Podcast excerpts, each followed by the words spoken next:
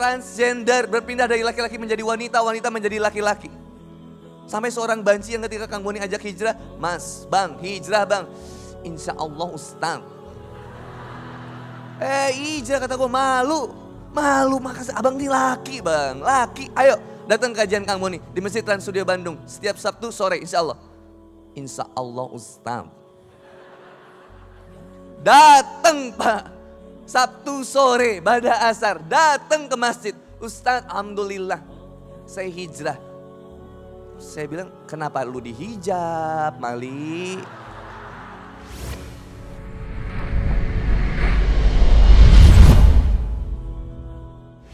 Assalamualaikum warahmatullahi wabarakatuh.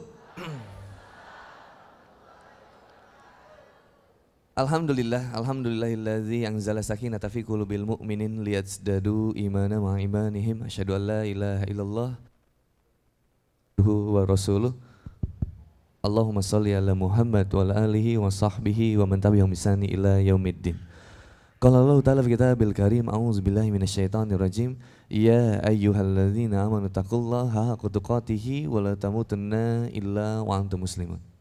Alhamdulillah wa syukurillah Bersyukur kepada Allah Subhanahu wa taala pada pagi hari ini mudah-mudahan senantiasa kita dijadikan orang-orang yang dirindukan oleh Allah Subhanahu wa taala yang senantiasa dinantikan oleh Allah Subhanahu wa taala di jannahnya insyaallah. Setiap langkah kaki kita menuju tempat ini mudah-mudahan Allah jadikan penggugur dosa dan mudah-mudahan setiap langkah kaki kita senantiasa mengangkat derajat kita di hadapan Allah Subhanahu wa taala. Ibu-ibu dan bapak-bapak yang dirahmati oleh Allah Subhanahu wa taala. Pada pagi hari ini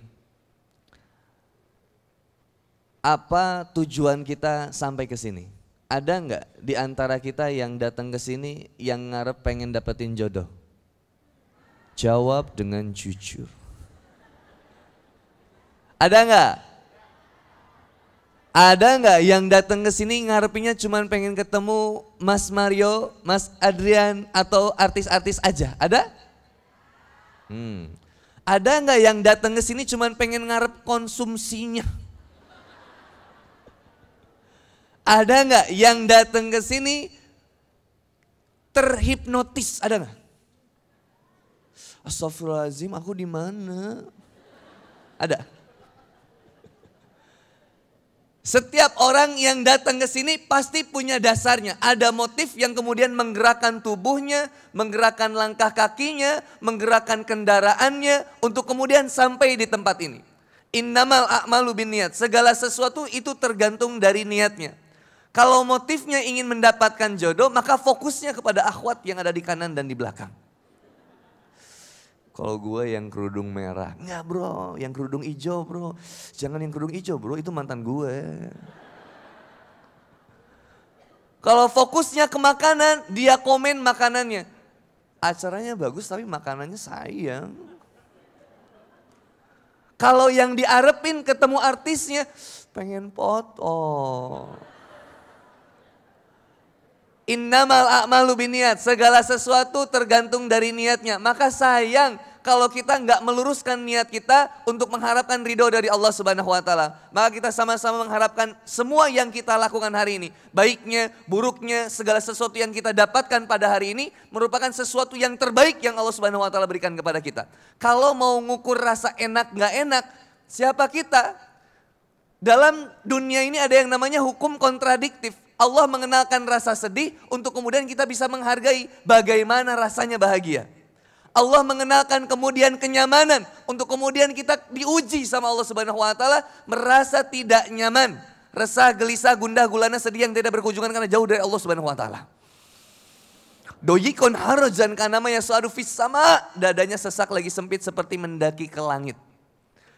Allah memperkenalkan kepada kita hangatnya persahabatan, tapi Allah perkenalkan pula perpecahan dalam persahabatan. Allah perkenalkan kepada kita indahnya dicintai, tapi Allah juga memperkenalkan kepada kita sakitnya dikhianati. Aku nggak bisa diginiin. Kamu kok berubah? Kamu katanya mau hijrah. Terus aku gimana? Pokoknya kita harus putus. Tapi aku sayang kamu. Aku tuh sayang banget sama kamu. Kamu gak boleh ninggalin aku.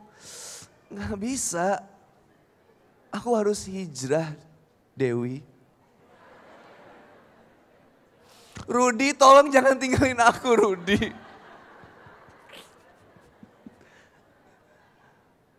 Akhirnya kemudian Rudi hijrah. Dewi menyesali kesendirian. Dia terpuruk dalam kehinaan, rasa sakit hati yang begitu mendalam. Pernah sakit, tapi tak pernah sesakit ini. Terus, sakitnya luar biasa ketika dikhianati. Indahnya bunga mawar jangan dilihat dari bunganya saja. Merah, merona, indah bunganya. Tapi siapa yang kemudian berusaha untuk menggenggamnya begitu erat, maka tangannya akan terlukai. Indahnya cinta jangan dilihat dari nafsunya saja. Kalau dilihat dari nafsunya saja, berapa banyak wanita yang menjadi korban, sakit hatinya, hancur kehidupannya gara-gara seorang pria yang ternyata tidak pernah tulus mencintai dirinya. Data dari Komnas Perempuan tahun 2015, 2012 didapatkan data 259.150 kasus kekerasan terhadap wanita. 63 persennya KDRT kekerasan dalam rumah tangga. Pertanyaannya, yang selalu jadi korban cewek atau cowok? Yang selalu dikhianati cewek atau cowok? Yang selalu dibohongin cewek atau cowok? Yang selalu nyakitin cewek atau cowok? Yang selalu ngebohong cewek atau cowok? Yang selalu nyakitin cewek atau cowok? Sakit hati. Maka wanita tidak pernah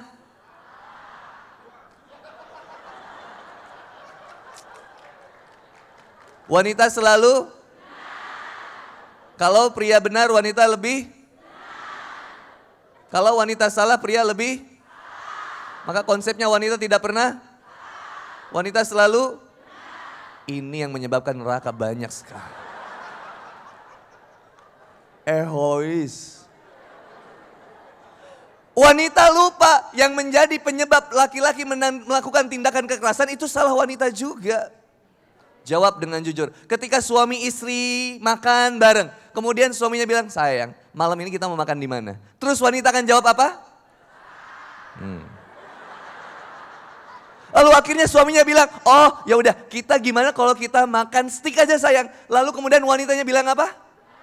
Nggak mau. Lalu suaminya bilang, ya udah kalau gitu kita makan yang lain aja. Tapi kamu sebenarnya mau makan di mana? Maka wanita akan bilang, Terus suaminya bilang, ya udah kamu sebenarnya mau makan apa? Lalu wanita bakal bilang, pengen ngebacok nggak kira-kira? So,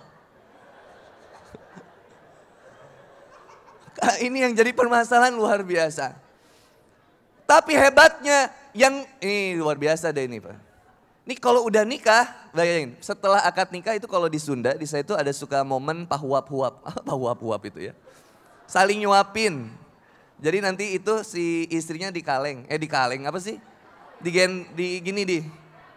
Uh -uh. Tahu nggak yang momen itu? Nanti ada makanan terus disuapin ke istrinya ya. Istrinya juga nyuapin suaminya jadi susah gitu. Uh, yang minum juga gitu kan? Kebayang nggak? Kebayang? Suami nyuapin istri, istri nyuapin suami tapi tangannya begitu. Kenapa hal yang mudah dibuat susah? Kenapa?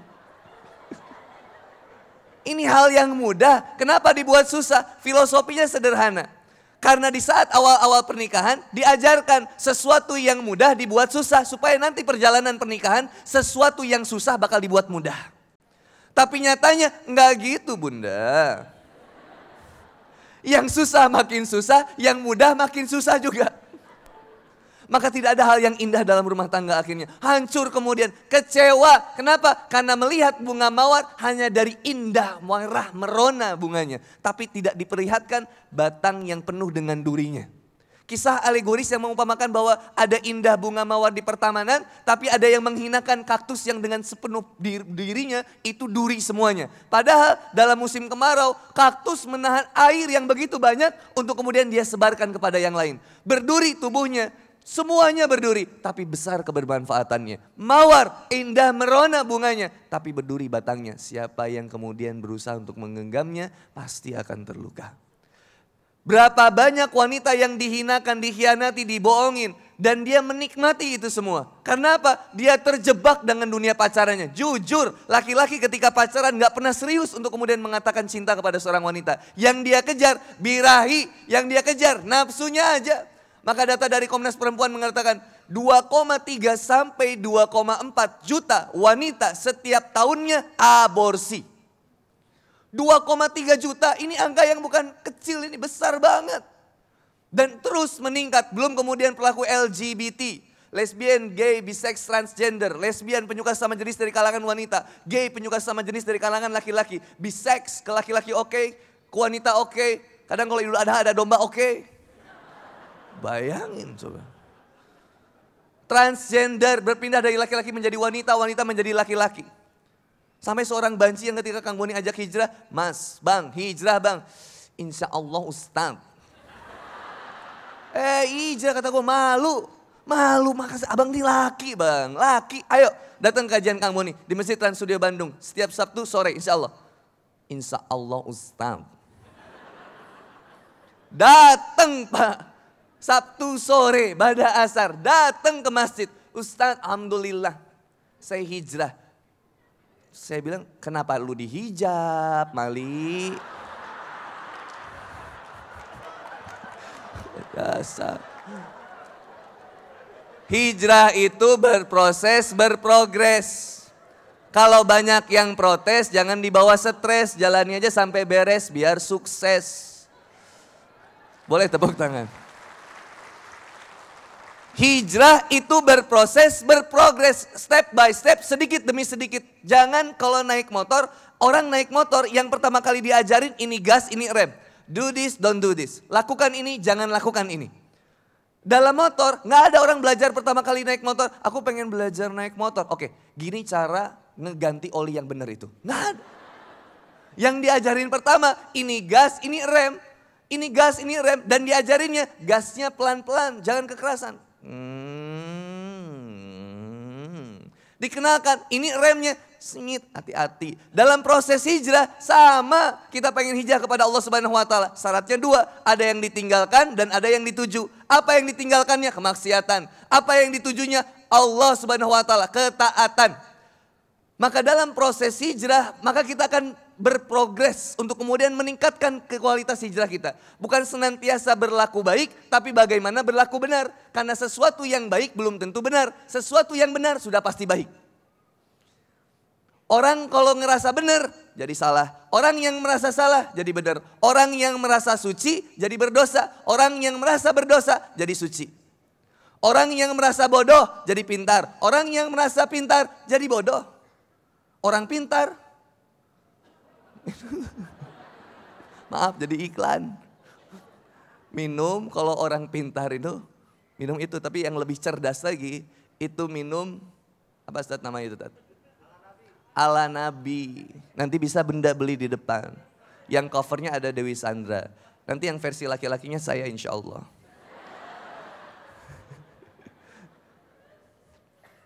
Orang yang cerdas, yang bagaimana? Ada tiga ahsan di dalam Quran. Salah satunya ahsan di takwim. Allah ciptakan kita sebaik-baiknya bentuk, sebaik-baiknya makhluk. Siapa? Manusia yang punya akal yang bisa membedakan ini yang baik, ini yang buruk, ini yang benar, ini yang salah. Setiap sikat sifat dan manusia yang bertentangan dengan nilai-nilai kemanusiaan selalu disejajarkan dengan hewan.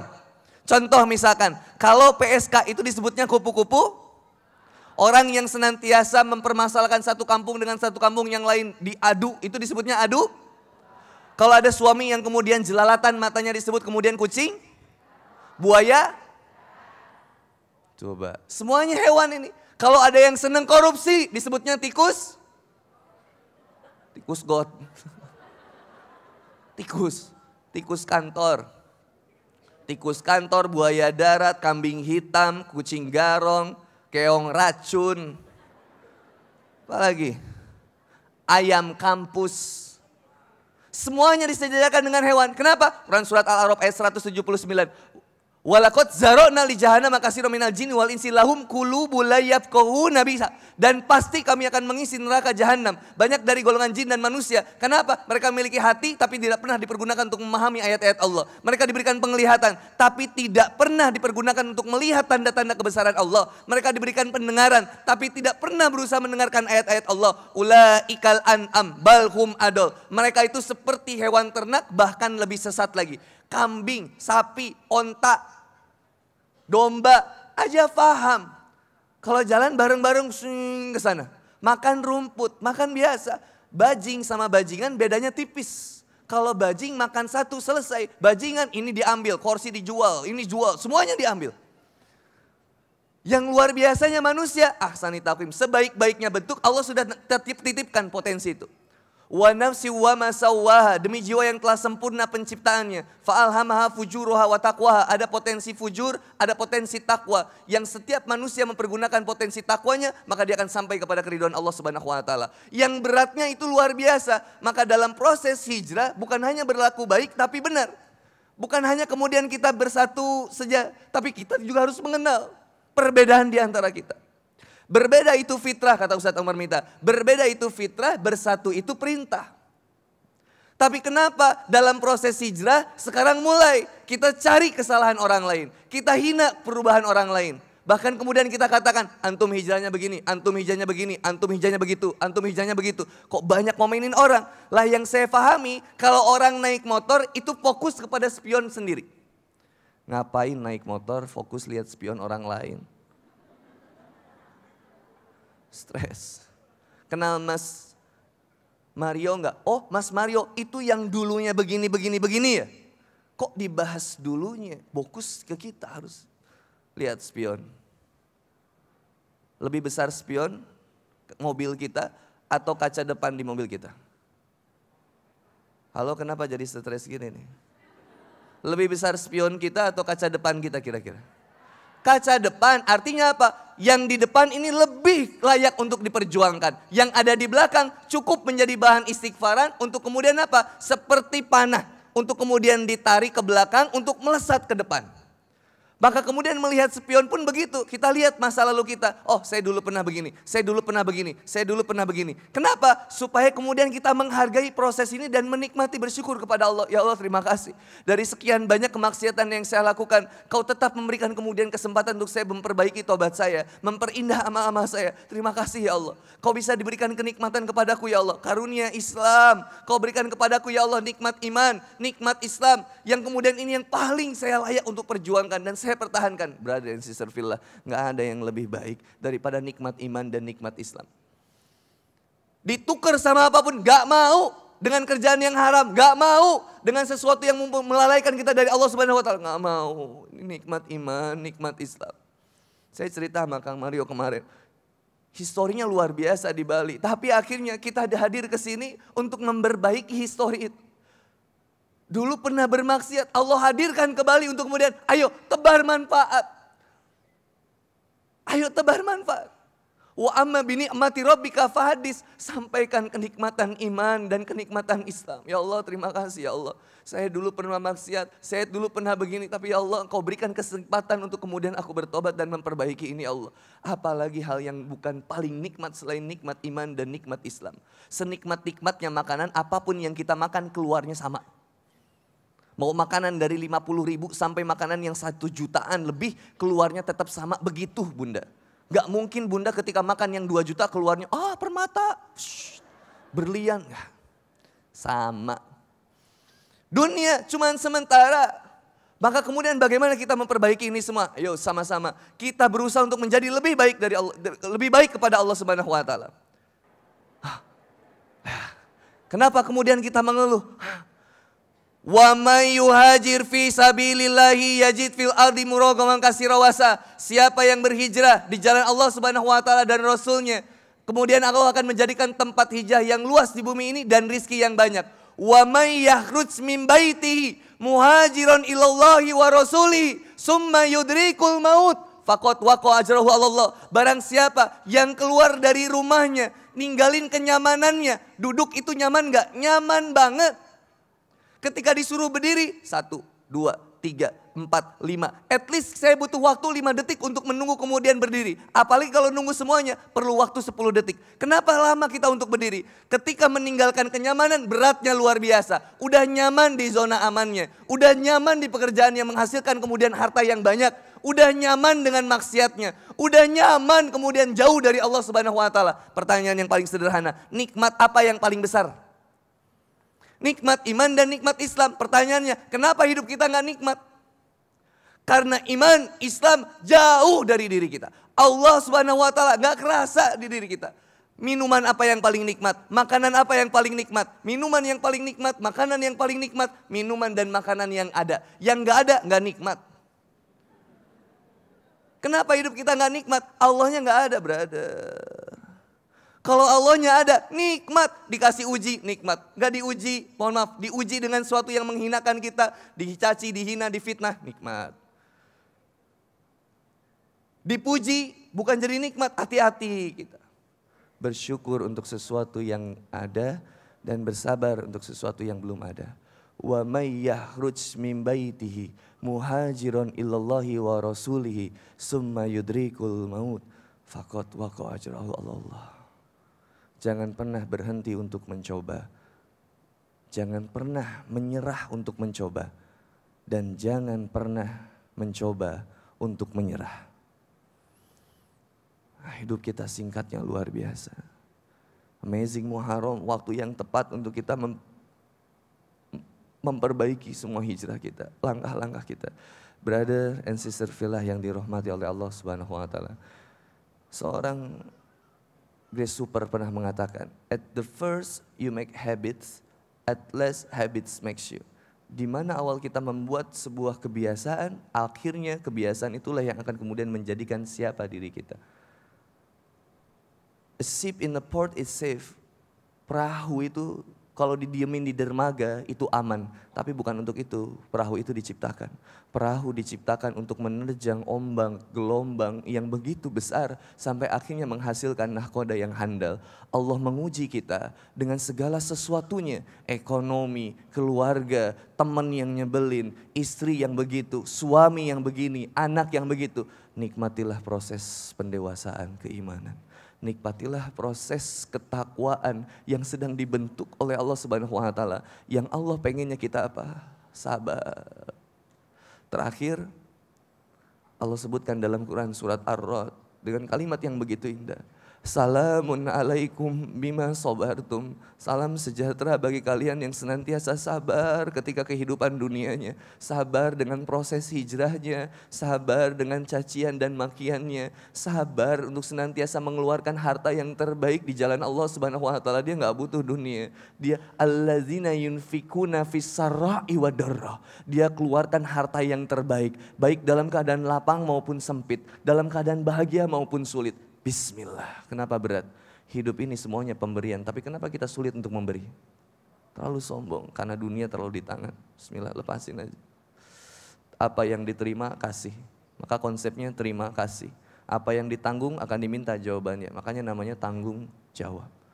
Nah mudahan jadi kebaikan buat kita semua dan kita siap untuk menjadi seorang mukmin, mukminah yang kemudian kita sampai di ridho Allah Subhanahu wa taala semuanya dengan ketakwaan kita insyaallah. Mudah-mudahan bermanfaat buat semuanya. Saya mohon maaf seandainya dari lisan saya sikap saya yang kurang bermanfaat atau menyakiti dari teman-teman semuanya. Sukses buat kita semuanya. Fastabiqul khaira fi sabil Bila Billahi taufiq wal hidayah. Assalamualaikum warahmatullahi wabarakatuh.